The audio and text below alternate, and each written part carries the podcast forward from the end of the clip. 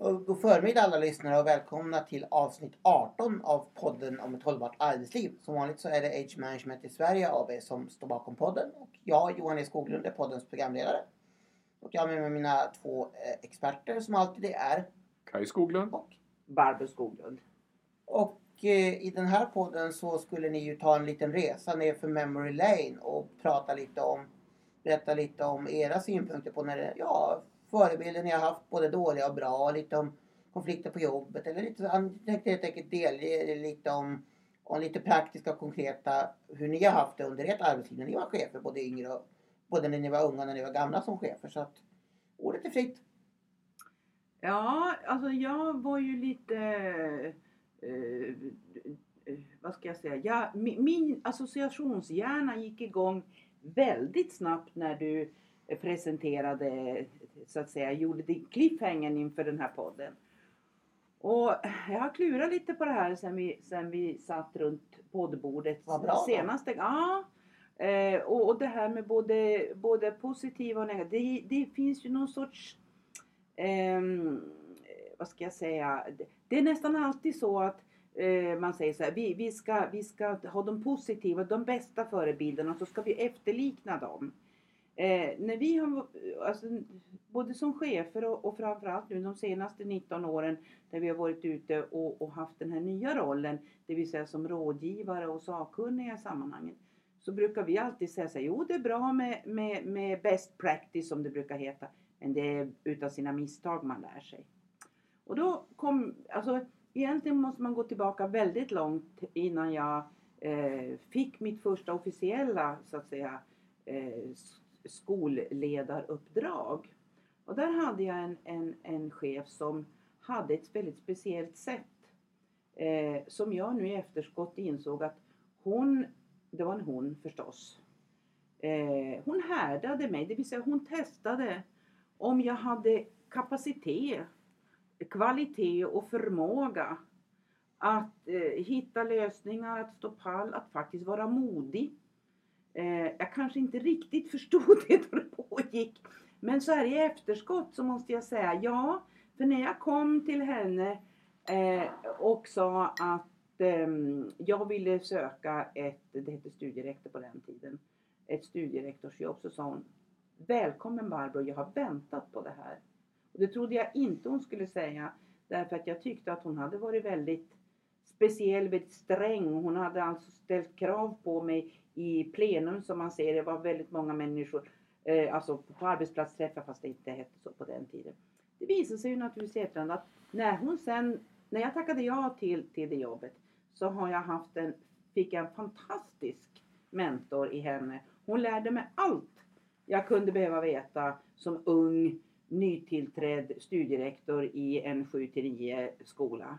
Eh, och det här är alltså sent 70-tal. Eh,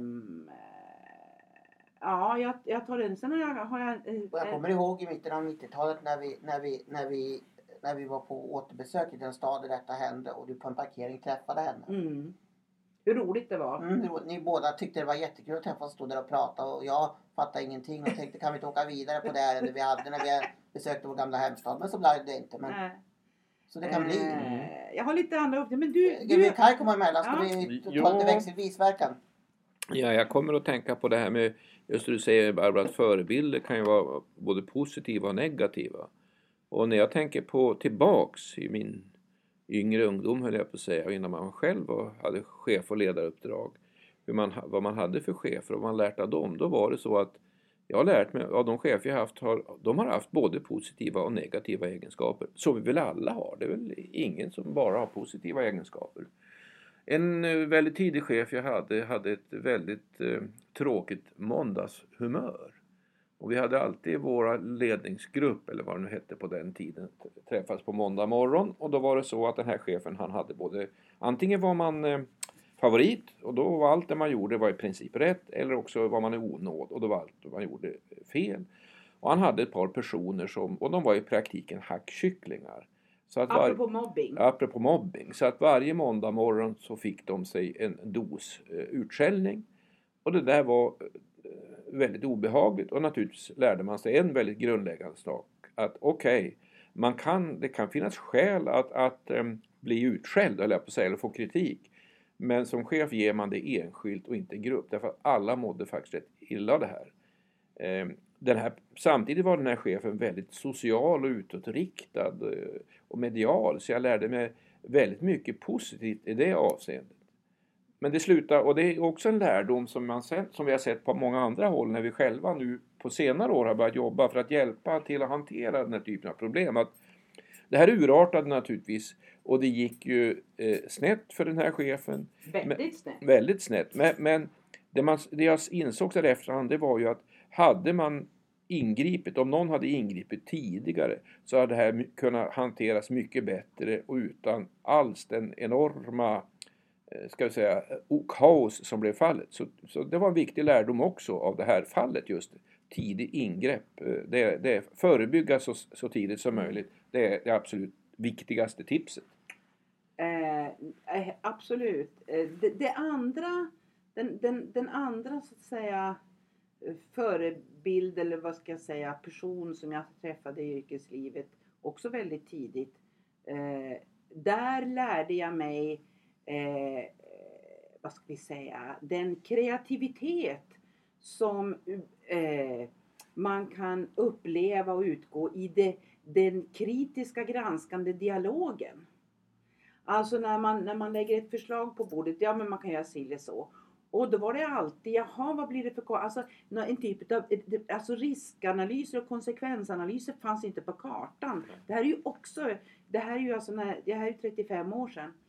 Eh, minst. Eh, och, men det här var ett dagligt sätt att förhålla sig till förändringar. Eh, alltså på ett konstruktivt sätt? Ja. Och, och, alltså det, och, jag, jag som är en, en debattglad person och, och gillar att, att bryta åsikter. Eh, det var ju, jag roar mig ju på något sätt med det här. Eh, när, jag, när, vi, när jag nu har tänkt till igen för att vi ska prata så här, Det var ju så här, det var här var ett av de grundläggande övnings... Alltså den här chefen övade mig i att bli kritiskt granskande. Mm.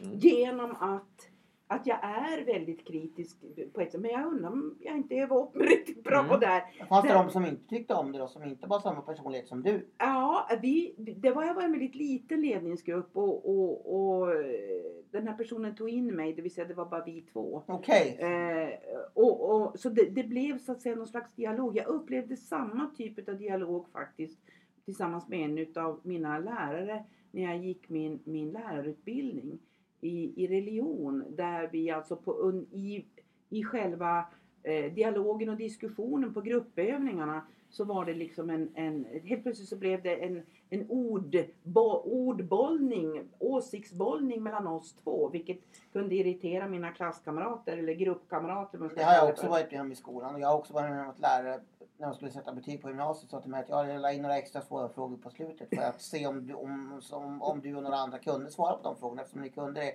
så är du värd högsta betyg. Ja, det är lite samma sak att de försöker utmana er. Ja.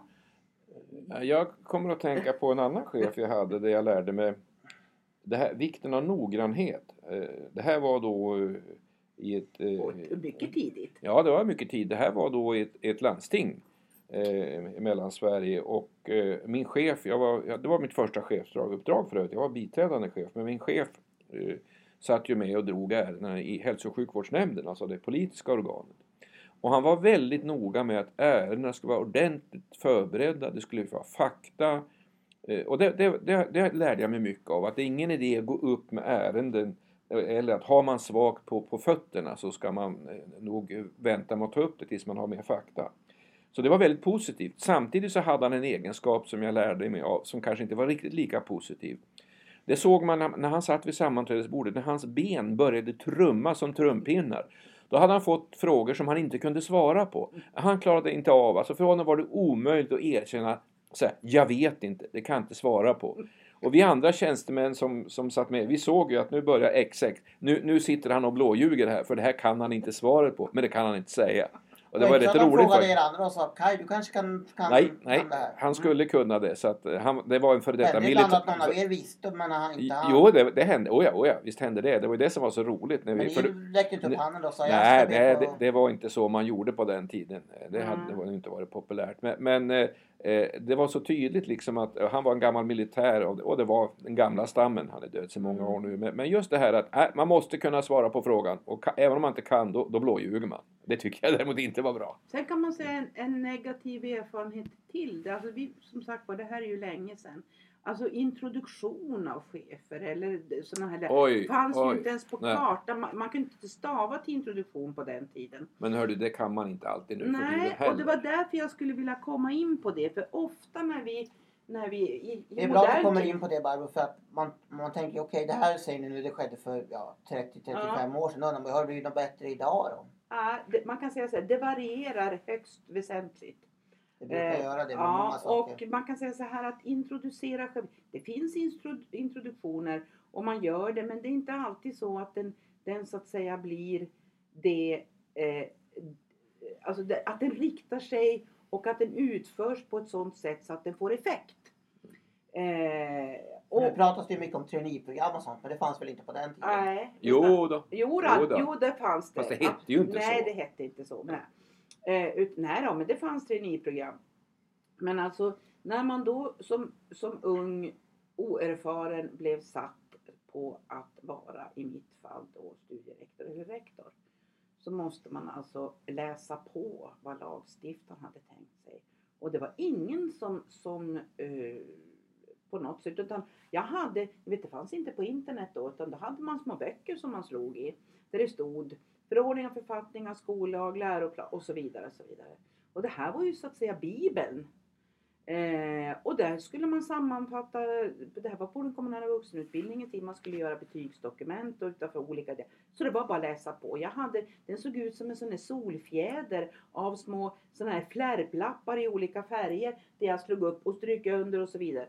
Så kom det in en elev och så sa han så här, ja jag skulle vilja, kan- kan du utföra ett nytt betygsdokument? Jajamensan sa jag. Och så drog fjärilarna i magen igång och så, så här, kom tillbaka om två dagar. Och sen jobbade jag mig igenom det här för jag var ensam så att säga om, den, om, om, om det uppdraget.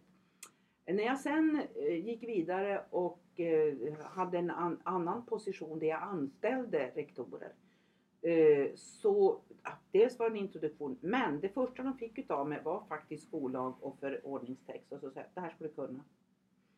Eh, sen och- var det läxförhör om någon vecka. Då. Ungefär så, fast för, för, för allt så var, sa jag så här, du kommer ha nytta av det här, inte varje dag, men väldigt många dagar. Men det kan vi säga att eftersom vi har nu under säg, de senare åren gjort väldigt många uppdrag kring ledarskap och arbetsmiljö och, och, och verksamheter att det händer mer än en gång. Det händer mer än två gånger att vi blir överraskade att träffa faktiskt chefer som har en minst sagt bristfällig kunskap om det regelverk som gäller för den egna verksamheten. Mm. Det, det, det, ibland är det väldigt mycket skjuta från höften och, och ja, det är bättre att ta något beslut än, än, att Vad beror det på då? Jag vet inte. Alltså Om det- jag, jo, jag, jag har ju Är det lathet Nej, det Nej, Nej, det tror jag inte. Det här är Nej, hårt nej. arbetande chefer. Nej, det men är inte lätt. det. det och, och det är inte för att man inte förstår utan jag kan, nej det är så här, jag har min egen lilla teori. Ta den gärna. Ja, på regelstyrningens tid, när det styrdes av regler, då var det jätteenkelt för det var bara att bocka av.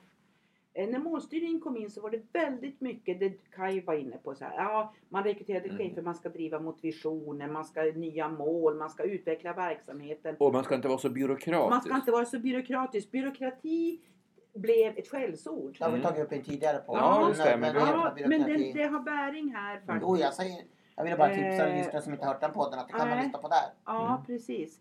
Och, och det betyder så att säga att du, du blir inte skuld. Det var för knorren på min, Mm. det här när jag Mm. sa det, det, det här ska du kunna. Det var sen när jag gick vidare till, till andra uppdrag eh, så sa den här personen till mig, jag fattar inte vad du sa. Jag tänkte hon är knäpp. Kanske hon inte sa, men hon, vad, vad, vad menar hon med det här? Varför ska jag läsa på det här? Och det var det absolut bästa råd jag har fått därför att jag har haft så mycket nytta av att faktiskt kunna det jag har att förhålla mig till i mitt uppdrag. Vad det finns för så regler. Och det är faktiskt byråkrati. Mm. Eh, alltså det här med rutiner, riktlinjer som är, är, som är så att säga kittet i den målstyrda verksamheten.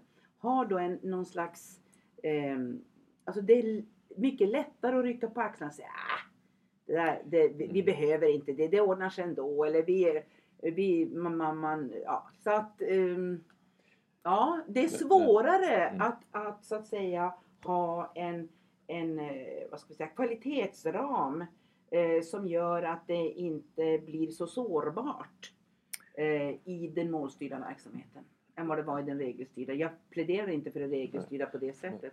Men ehm, jag tänkte bidra med en annan iakttagelse, min sista, och då är vi i modern tid så att säga. Vi har ju då gjort ett stort antal utredningar med fokus på organisatorisk social arbetsmiljö.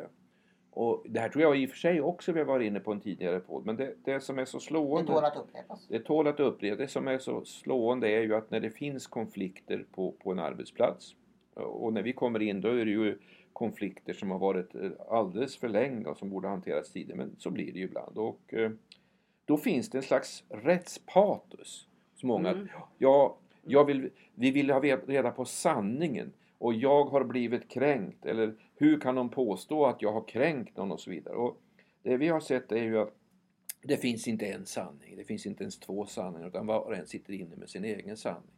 Och det gör att det blir faktiskt lite grann det kungliga uttrycket. Man måste få hjälp att vända blad och se framåt och försöka komma över vad nu än är man, folk har hävt ut så sagt sen tidigare. Och det är ju egentligen det som den här föreskriften nu också betonar. Det viktiga är inte att, sätta sig till doms över någon. Det viktiga är hur beter vi oss i framtiden? Hur förebygger vi eh, för att det här inte ska inträffa igen? Och, det är, och där, det, det, är en, det är en bra ingång till avslutningen. Om det är någonting som är eh, viktigt i det förebyggande arbetet. Ja, det är ju naturligtvis därför att förebygga uh, olyckor, dödsolyckor och så vidare. Eh, eh, självklart, men även när det gäller den här typen utav, utav eh, vad ska jag säga, Eh, ja, organisatorisk och social Mm, mm. arbetsmiljö.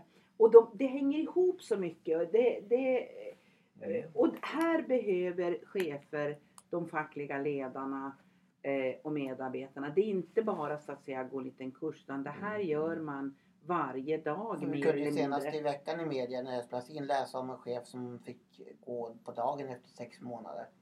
Och sagda chef vägrade då att lämna sitt kontor och lämna ifrån sig mobiltelefonen. Ja. så kan det bli. Och det var ju en offentlig finansierad verksamhet. Vi behöver inte gå in på Nej, var det var men- någonstans, och det- vem det var. och- Men de som har läst media vet vad jag pratar om. Och Ja. då vet man inte vad som ligger bakom alltihop där. Vad, vad, vad Nej, för det är det för... stod i någon artikel där att han hade skurit sig med de, an, med de underlydande cheferna i den organisationen. Ja, han var och- chef för flera det chefer. Och det, det, och, och så här, Men, och, men det, hör väl, det där hör till ovanligheterna. De att det flesta var- som får sparken lämnar sitt arbete. Ja, Men det var väl en annan historia. Men Ja. hör, programledaren, är det så att vår tid börjar rinna mot sitt Jag har slut? sett att du har suttit och lekt med klockan en lång stund så jag antar att du vill indikera att vi ska sluta nu. Jag tror det är läge för det. Då tycker jag vi ska Mm. titta på vad avsnitt 19 ska handla om. Och vad ska det handla om? Jag tänkte jag prata lite om sällskapsspel. Okej. okej. Det, här, nej. det såg vi inte komma. Nej, det är nämligen så att jag och eh, vår... Är det den moderna spelbranschen? Nej, men inte alls. Men, men mannen som sitter bredvid mig här, Kaj Skoglund och jag, vi är ju som sagt var släkt. Det är inget att förneka. och Därför på helgen brukar vi ägna oss åt att spela Scrabble, eller det som på svenska kallas för alfabet. Och i alfabet så ska man ju då lägga ut ord. Men eh, om någon har sett en spelplan i alfabet så vet man att den är väldigt... Man kan inte lägga hur långa ord som helst. Och ett ord Den är så, begränsande. så ett ord som man inte skulle kunna lägga i alfabet men som man, om, man, om man teoretiskt skulle kunna lagt det skulle ge en helvetes massa poäng. Det är ordet som är temat för nästa podd. Nämligen syreupptagningsförmåga. Oj! Sug på det ordet. Till dess. Och det ska vi prata om i relation till arbetsförmåga som också är ett annat ord. Som är långt men inte lika långt och bra. Och hur får man då in detta i eh, vår podd? Ja, Ja, nu har får att vi göra nästa gång. höra. Då vill Ja. jag bara avsluta också med att säga att mitt favoritlängsta ord har dock uppfyllts av SKL och det är personalkostnadsberäkningsmodell. Okej. Läste. Det ryms absolut inte på Men nu cloud. avslutar vi vårt ordvrängeri här och önskar istället alla en fortsatt trevlig dag. Ja. När ni har lyssnat klart på det här. Och vi som önskar det är Johan E Skoglund Okej. och Barbro. Skoglund. Tack och hej!